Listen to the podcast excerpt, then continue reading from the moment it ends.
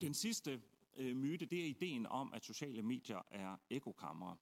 Det mener jeg er forkert ud fra det, vi ved øh, omkring øh, strukturen i sociale medier øh, i dag.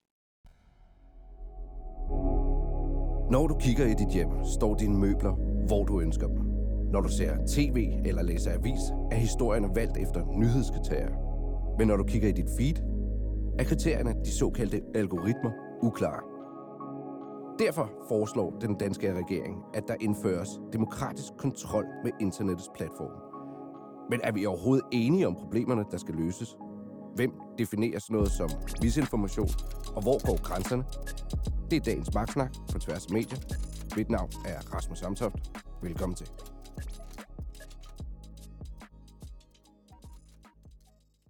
På tværs af medier. Og i studiet er Benjamin Rud Elbert, og ved siden af er professor i filosofi og leder af Center for Information og Boblestudier ved Københavns Universitet, Vincent Hendricks. Velkommen til, Vincent. Tak for det. Vincent, øh, jeg lægger lige på hårdt med at spørge dig om, øh, hvorfor er det egentlig vigtigt at vide, hvordan algoritmerne er skruet sammen? Jamen, det er vigtigt at vide i den forstand at forstå, at algoritmerne er oftest det, som vi forholder os til i den forstand, at dem, der definerer vores nyhedsfeed, det er dem, der fortæller, hvilke historier, der kommer op i feedet, hvad der ikke kommer op i feedet. Og i sidste instans, når vi taler om det på den her måde, bliver det et spørgsmål om, jamen, hvad er grundlaget for den offentlige, samtale? Hvad er det, der bliver diskuteret? Er i vid udstrækning ikke blot noget, som vi som mennesker mennesker imellem diskuterer, eller også bliver enige om, men så sandelig også noget, som den algoritmiske arkitektur er med til at bestemme. Benjamin, øh, nu har regeringen fremlagt det her medieudspil. Øh, hvorfor er det egentlig, at politikerne først har hul på det nu? Fordi det første nu, vi kan begynde at se, at der muligvis er et eller andet i den der store sorte boks fra tech-giganterne, som vi ikke ved, hvad er. Øh, og det har vi jo fået masser af indikationer på. Cambridge Analytica, nogle forskellige rapporter, som er delvis sådan lækket, eller ikke sådan, øh, vi ved ikke rigtig nok. Og så fordi, øh, faktisk så ved politikerne nu selv så meget om sociale medier, så de godt kan se, at de ikke ved nok. Godt, jamen øh, lige sådan en, en hurtig agenda, så vil jeg fortælle lytterne, at øh, senere så diskuterer vi løsningen, altså det her, som regeringen er kommet med sit udspil til. Øh, men først så ser vi på algoritmerne, og som jo er viklet ind i det her behov for at få en løsning. Og jeg kunne godt tænke mig, at vi øh, starter med en folketingshøring, som du også var øh, paneldeltager i, øh, om sociale medier i januar, hvor man kunne høre professor i statskundskab ved Aarhus Universitet, øh, Michael Bang-Petersen, udtale sig sådan her om, hvad han kalder myten om ekokammer på sociale medier. Kom her. Den sidste øh, myte, det er ideen om, at sociale medier er ekokammer. Det mener jeg er forkert ud fra det, vi ved øh, omkring øh, strukturen i sociale medier øh, i dag. Jeg skal lige høre dig, øh, Vincent. Øh, findes der ekokammer på sociale medier? Ja, det gør der. Benjamin, du har lyttet til det her. Du røg straks til Twitter-testerne. Hvad reagerede du på?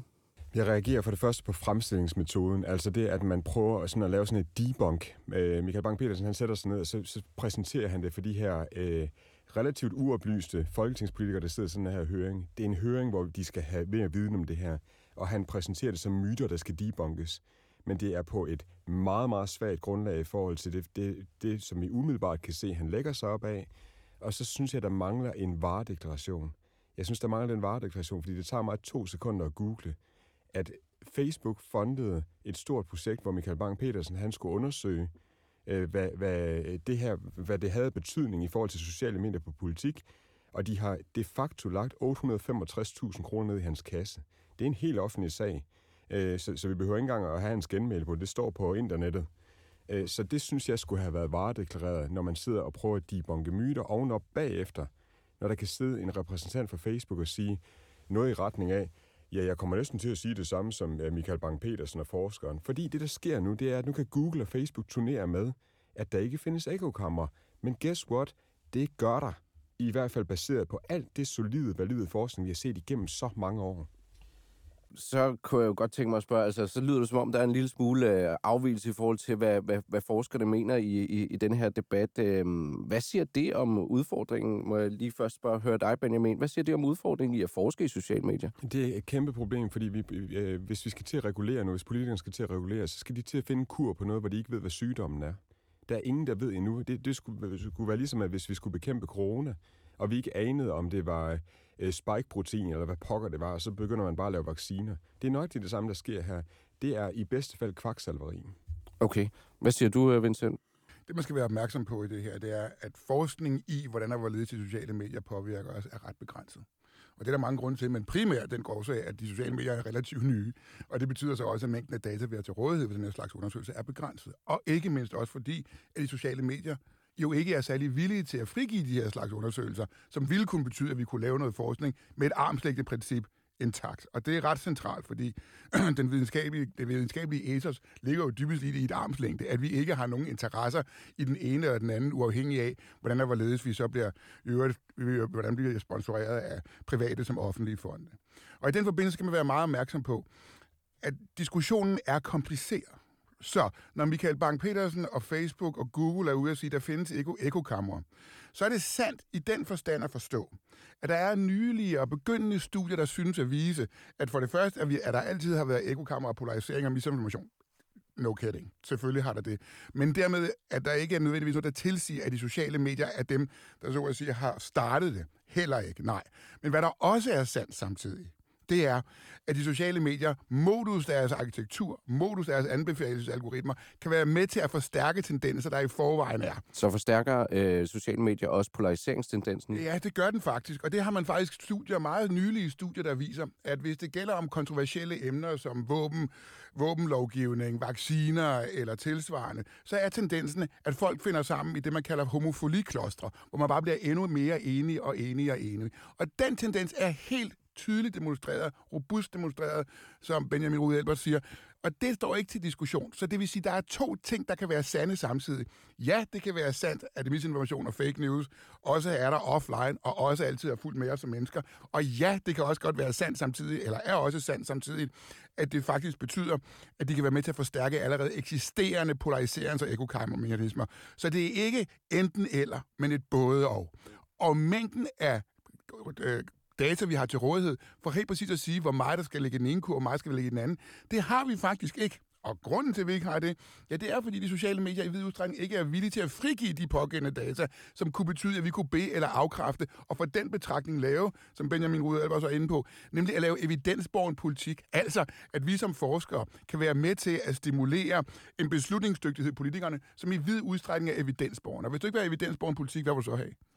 Jamen, øh, vi kan jo tage fat på, hvordan at øh, øh Googles politiske chef, øh, øh, Christine Sørensen, i øh, onsdagens deadline i optagende stund, altså for, øh, for et par dage siden, øh, svarede på spørgsmålet om, hvor, hvor gennemsigtig Google så skal være. Prøv at forestille dig lidt ligesom øh, Coca-Cola. Altså, øh, behøver du opskriften på Coca-Cola, eller er det fint at have en varedeklaration, hvor der står, øh, hvor meget sukker er der i, hvor meget kalorier er der i, sådan noget. Altså, man kan tænke åbenhed på rigtig mange måder, uden at man nødvendigvis skal have fat i øh, en algoritme, en øh, matematisk formel, der bliver opdateret flere gange om dagen. Nå, Benjamin, øh, vil det så sige, at øh, Google og Facebook bare skulle lægge alt frem? Nej, og jeg skrev faktisk et tweet før Christine hun sagde det her, hvor jeg sagde, at det er næsten ligesom Coca-Cola-opskriften. Altså, man kan jo ikke tvinge, og man skal heller ikke tvinge hverken Facebook eller LinkedIn eller nogen som helst til at fremlægge hele deres øh, øh, hemmelige opskrift som vil gøre, at alle andre kan kopiere det, eller man vil kunne begynde at spekulere i, hvis man nu har ondt i sinde, så vil man kunne spekulere i, hvordan man kunne lave propaganda på baggrund af de algoritmer, hvis man kendte øh, formularen. Plus, det er ikke bare en formular, det er måske øh, en, en million kodestykker, som ikke giver mening for nogen som helst. Hvordan skal man præsentere det for nogen? Så i virkeligheden, jeg er mere øh, interesseret i, at Google og Facebook de begynder at svare på spørgsmål. Så jeg har jo, jeg har jo i øh, ugens blogindlæg her op til det her, der har jeg formuleret 10 spørgsmål om algoritmerne i stedet for. For jeg er ikke forsker. Noget af det, som jeg også har studeret en lille smule over, det er, at for eksempel Michael Bang-Petersen ikke har spurgt praktikerne. Fordi hvis han kun har... Er det sådan en som dig? Bare ja, det er det. Ja. Hvis han kun har forskning til rådighed af sin egen, og baseret på surveys i øvrigt, hvor han spørger mennesker, øh, føler du, du er i et ekokammer? Så siger folk, nej, det gør jeg da ikke. Godt, så registrerer han dem som, jamen så må folk ikke være i et ekokammer. Ikke? Nu har vi set så mange eksempler på, at forskere kunne sige, jeg kan ikke finde et eko, eller bevis forskningsmæssigt for, hvad et ekokammer er, ud for, hvordan forskerne definerer det. 10 derfor findes de ikke. Det er simpelthen helt skævt i forhold til en praktiker. Jeg har set masser af ting, og jeg er pisse ligeglad, man kalder det ekokammer, eller hvad man kalder det. Men meningsfællesskaber, som stikker fuldstændig af, hvor folk de har tabt sutten. Og det vil sige, og baseret på det, vi ved om algoritmerne, når jeg skriver, jeg ved det jo ikke, men alle de test, vi laver, det er jo noget, vi tjener penge på. Vi går jo og tester algoritmerne, og det giver os faktisk en magt, hvor folk kan spørge os, hvad er der i algoritmer, for jeg vil rigtig, rigtig gerne langt ud. Når vi tester dem, så kan vi se, Hvis jeg skriver fisk og skalddyr nok gange på Facebook, så ser jeg flere fisk og skalddyr, fordi jeg bliver øh, puttet i kategorien fisk og skalddyr. Det vil sige, jeg er faktisk, og jeg er ligeglad om det hedder et ekokammer, jeg er i hvert fald i et fisk- og skalddyrskammer. Fordi jeg ser oftere politikere, der skriver noget, når de står på fiskauktion i Hanstholm, eller når de spiser en hummer, end de folk, der spiser foie gras, eller står i, i, i en håndboldhal. Så bare lige for at skære det fuldstændig ud i pap, så er det jo faktisk, altså det vi gør, det er jo, at vi kan ikke se årsagen til, hvad, hvor, hvor, hvorfor tingene virker, som de gør. Vi kan ikke se præcis den kode, der gør, at vi lykkes med det, som vi gør som praktikere. Vi bliver nødt til at teste for at se, jamen nu har det her, øh, den her algoritme, nu har den her platform flyttet sig til at kvittere for den her slags indhold, og nu har den flyttet sig til at gøre sådan her. Vi står op hver eneste dag og håber på, at algoritmerne er nogenlunde de samme, som de var i går. Fordi vi for eksempel går og siger til kunder, du skal ikke trykke på deleknappen på LinkedIn, fordi der er LinkedIn skruet ned, fordi de ikke vil være sådan en russisk troldhærsfabrik, ligesom Facebook er. Men LinkedIn, de kan overnight, eller Microsoft, de kan overnight bare sige, men nu skruer vi op for den der øh, algoritme, der, der sørger for, hvor langt delinger de kommer ud. Så står jeg og siger noget forkert, når jeg har en kunde her fra 13 til 15. Og det kan man sige, hvad sker, hvad sker der ved det? Problemet er, at hele Danmark, alle der arbejder med kommunikation, de render rundt og leger alkymister for at finde guld i de der algoritmer, for at få lov til at komme ud med deres budskaber. Og der er simpelthen nogen, der er bedre end andre. Og den vigtigste øh, ting, man kan putte i smeltedilen her, når man står og leder efter guld, det er ting, der øh, rammer vores følelser, forarvelse, forbløffelse, forskrækkelse, indignation, det er følelsesmæssige driver, som vi ved virker, og så er det selfies helt op i masken på os. Det ved vi de facto, det kommer langt ud i algoritmen. Vi ved ikke hvorfor. Men det vil sige, at vi har et land, som er fuldstændig dopet af, at de render rundt og smider farvelses, forbløffelse, forskrækkelsesting, især på Facebook, og knaller selfies op i hovedet på os hele tiden. Det er meget interessant, hvad det gør ved den demokratiske samtale. Ja, fordi det er jo lige præcis også det, der er jo også forskel på, hvad det er, vi diskuterer her. Altså, der er jo både det, hvor vi snakker om ulovligt indhold, altså for eksempel terrorvirksomhed, hvor der bliver lagt øh, halsåkninger op osv.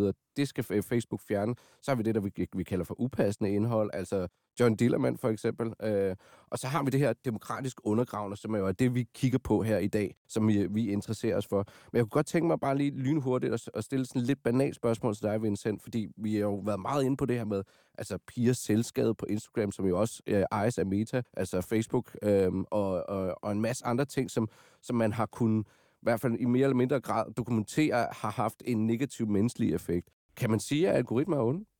At algoritmer er onde? Ja. Nej, fordi algoritmer har ikke moralsk kompas. De er slet ikke designet med moralsk kompasser, men de er til gengæld designet også med henblik på noget bestemt, og det er det, som de så underbygger. Og man skal lige huske på, hvad forretningsmodellen for de sociale medier er. Den er altid den samme, den opmærksomhedsøkonomiske forretningsmodel. For brugerne til at generere noget information, som andre brugere bruger deres opmærksomhed på, så tag den engagement, den trafik, den trafik giver data, den data kan du høste, den, høste, den, den data, som du høster, den kan du segmentere, analysere og så sælge til annoncørerne. Det er den samme forretningsmodel for dem alle sammen. Det er ikke raketvidenskab, men det virker.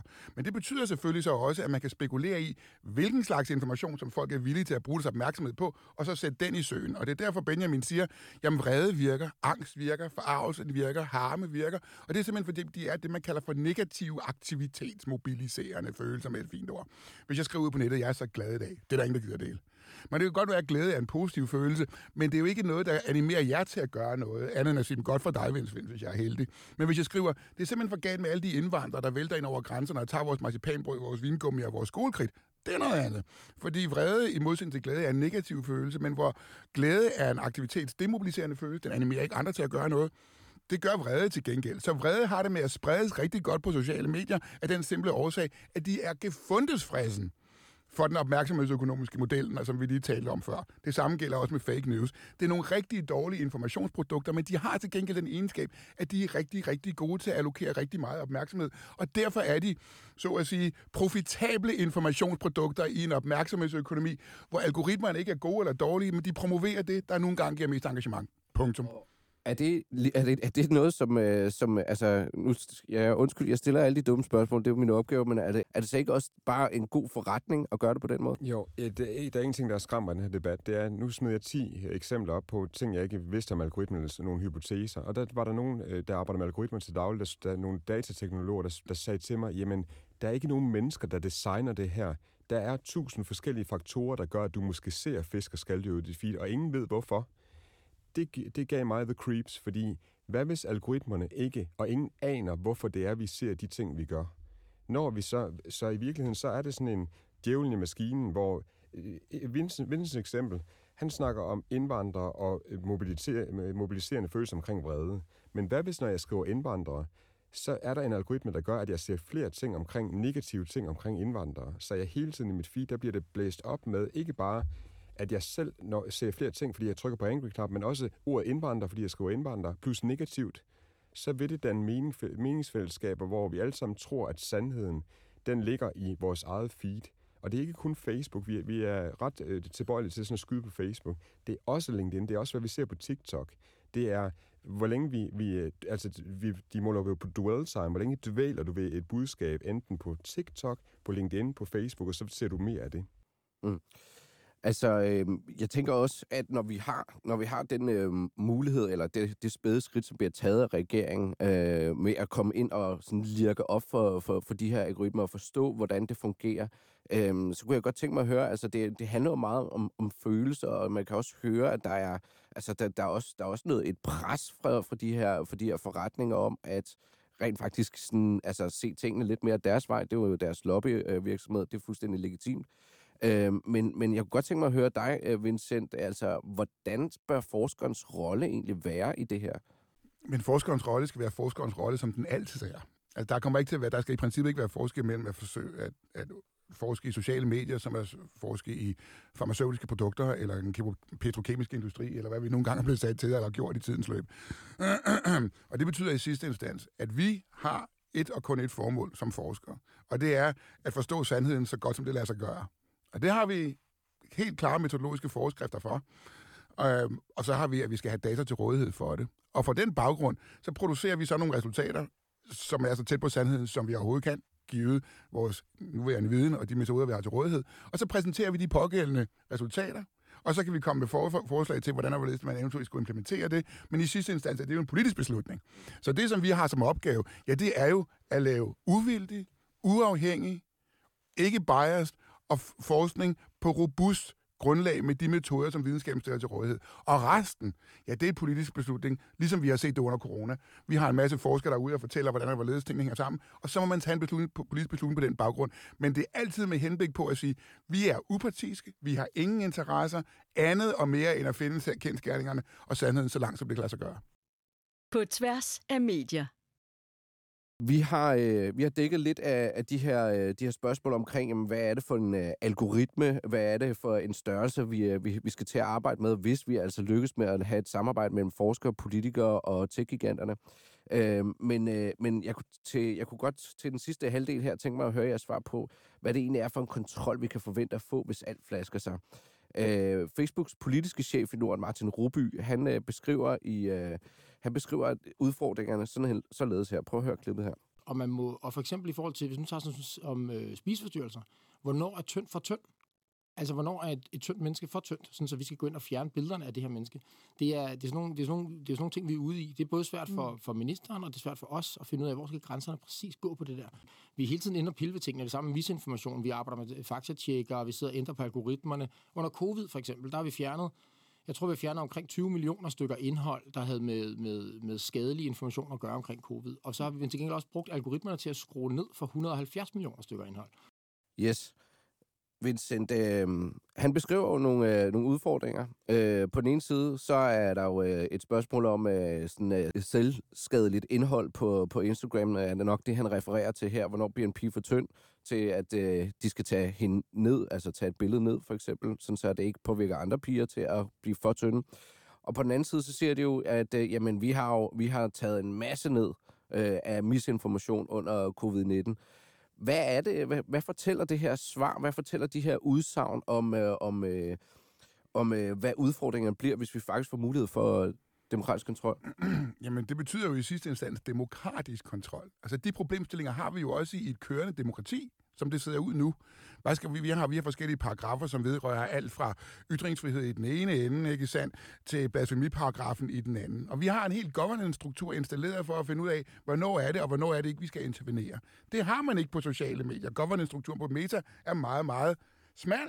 Uh, og der er ikke nogen checks and balances funktioner der. Så det er ikke så mærkeligt, at de sidder med de problemstillinger, som de gør. Og selvfølgelig er det også sådan, og det skal man jo lige huske på, at Facebook, Meta, Google, LinkedIn, WhatsApp, alle de andre, de er jo ikke nødvendigvis sat i verden for at stimulere demokratiet. Det har Mark Zuckerberg selv, selv sagt ved flere lejligheder. Han har sagt, at det er så at, sige, at, stå, at stå vagt om demokratiet ligger over min lønramme.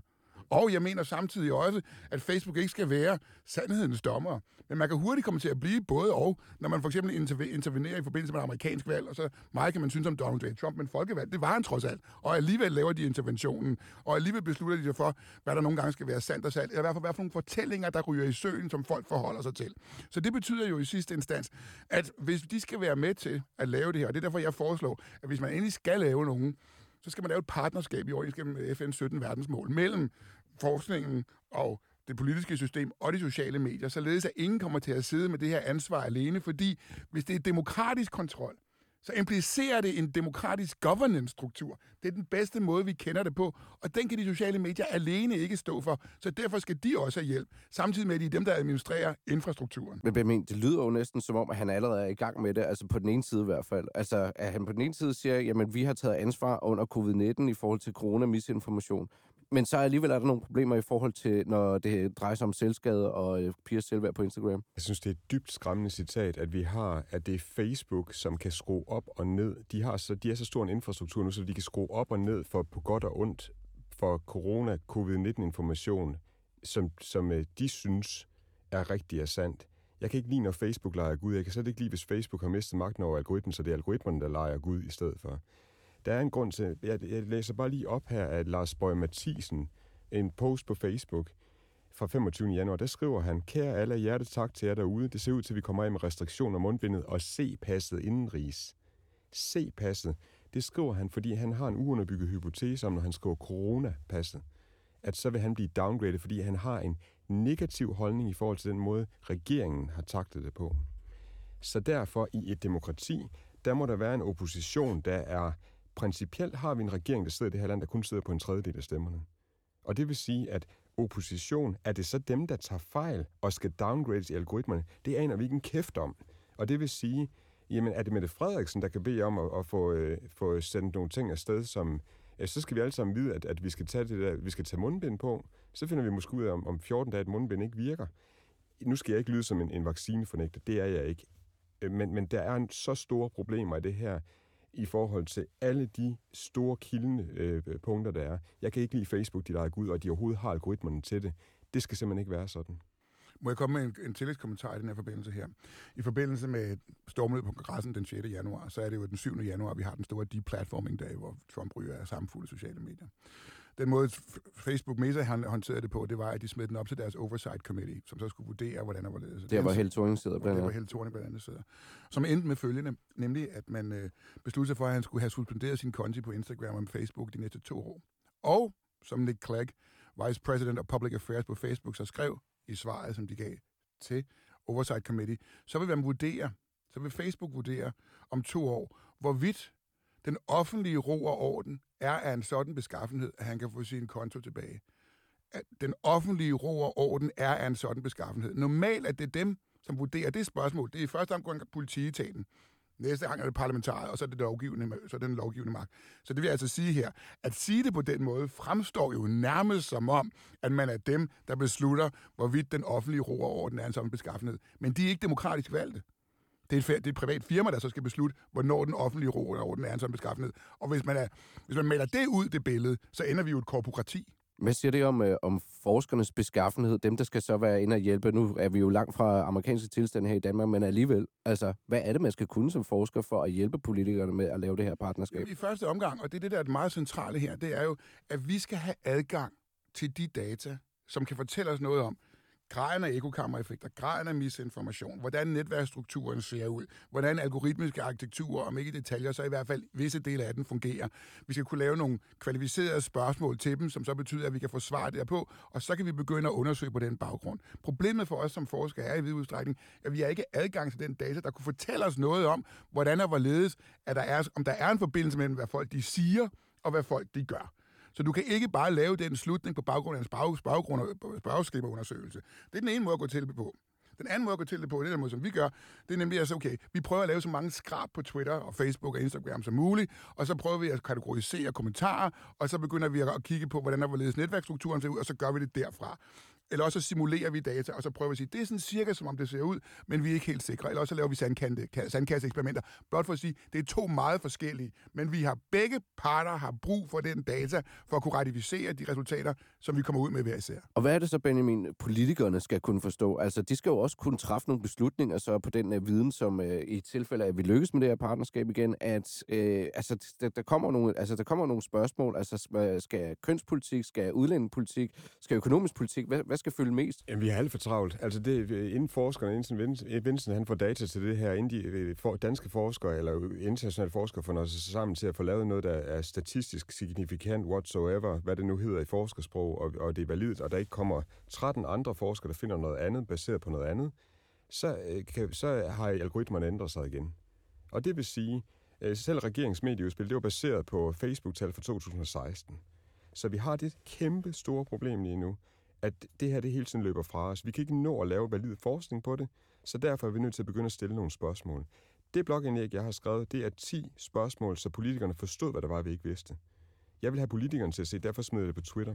Så de havde i virkeligheden en meget, meget... Øh, det, som forskerne ikke gør. Vincent, han... Man kan sige meget om Vincent, men han er ikke nogen sådan nogle populær forsker. Altså, øh, i et ord. Han er en populær forsker i to år, men ikke en populær forsker. Det vil sige, han baserer det på forskningsartikler. Han er ikke selv på sociale medier. Han er ikke ude i den arena, hvor det her det bliver diskuteret, hvor politikerne de måske sidder og, og skal kigge på de her ting.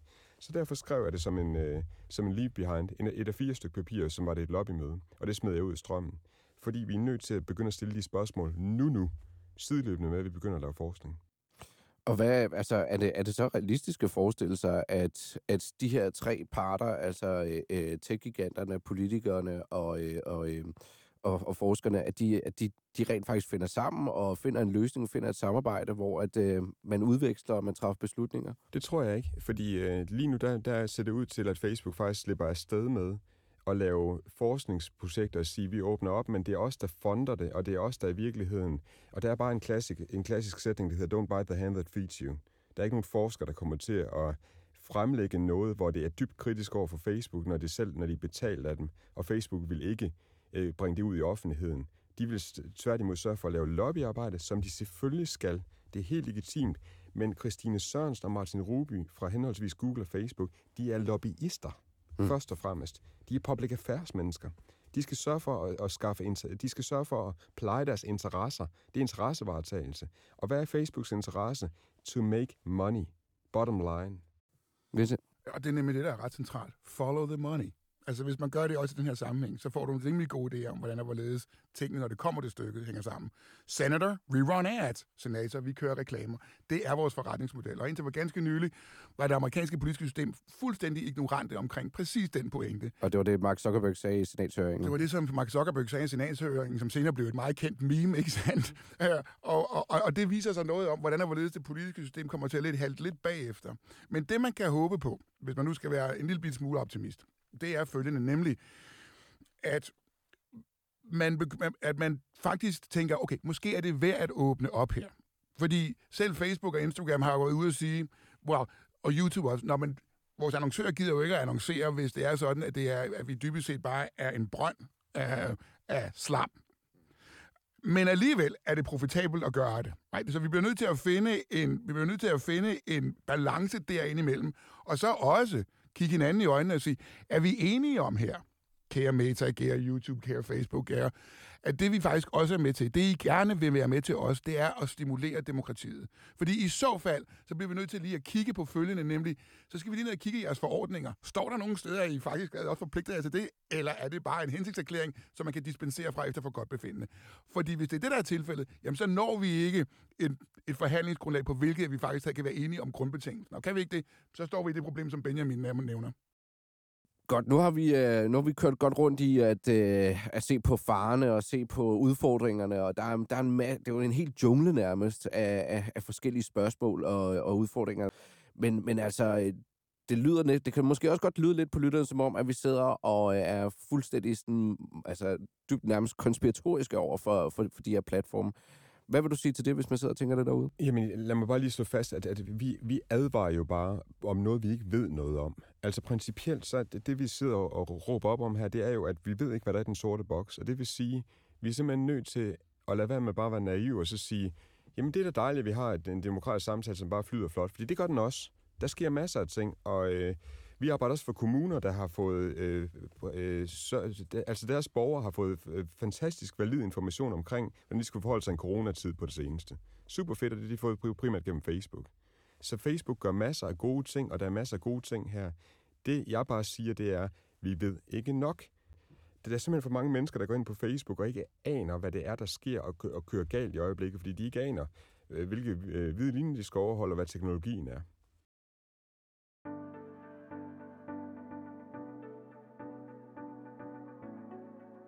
Regeringens medieudspil er måske mere symbolsk end øh, instrumentelt, men på længere sigt kan der måske sammensættes en dåseåbner til at lirke tech-giganternes hemmeligheder. Det kræver til gengæld også klar konsensus mellem politikere, forskere og tech-giganterne selv. Måske er udspillet nærmere et startskud på kampen om fortællingen om sociale medier. Det vil tiden vise. Benjamin og jeg, vi følger sagen tæt. Og så vil vi jo gerne sige tusind tak for, at øh, du var med, Vincent Hendricks. Øh, professor i filosofi og leder af Center for Information og Boblestudier ved Københavns Universitet. Tak fordi jeg måtte. Magtsnak på tværs af medier er slut for denne gang. Håber du kunne lide det derude. Mit navn er Rasmus Samtoft. Tak for nu.